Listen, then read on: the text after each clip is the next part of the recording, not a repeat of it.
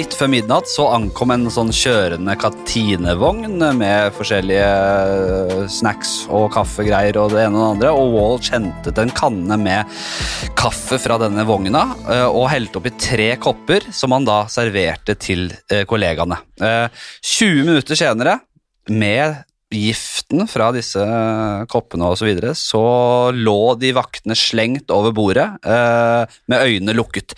Deretter så åpnet Walsh den store, tunge døra til varehuset, og lyset innenfra strømmet ut. Og dette var signalet de elleve gangsterne som lå i skjul utenfor, ventet på. Ja, Det er litt av et signal da, når du ser at folk ligger pladask, så jo, da skjønner man jo greia. Ja, Ellers så var det vel kanskje lyset fra innsida av døra som var signalet. Ja.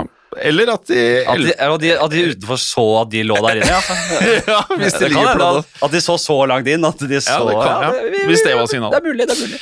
Uansett hva som var signalet, de kjørte frem til varehuset i en stor varebil og gikk inn med hendene dekket til av hansker eller sokker. Nesten alle hadde strømper over hodet, for da å selvfølgelig skjule ansiktene sine, og dette var faktisk da første registrerte tilfelle der en slik type forkledning som vi nå i ettertid har sett i utallige brankranefilmer eller gangsterfilmer. Eller hjemme alene. Hjemme alene. For Det- eksempel, Joe Pesci har vel det der.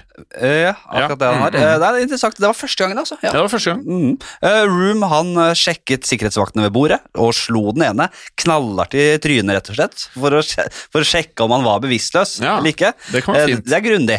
er Eh, grundig. Vakten reagerte ikke på det slaget. Og eller da var det et tegn på at han var ute av det. Ja, ja. Måkat inn, reagerte ikke. Han er ute. Han er okay. ute av det. Eh, samtidig så tok en av de andre gangsterne fram en glasskaraffel med vann og begynte å vaske ut av, av disse kaffekoppene Mm. som var forgiftet, da, så at de ikke skulle legge igjen uh, noe spor av hva som egentlig hadde skjedd. Det er nøye. Det er nøye, veldig nøye. veldig Mm. nøye. Og Room grep raskt eh, nøklene til konteineren full av bullion fra den ene vakten. Han tok med seg nøklene til safen, satte dem i og vred om til det klikket av låsen som åpnet seg. Var det en Frans Jæger 1945, Jim? Jeg vet ikke. Jo, det kan fort være det.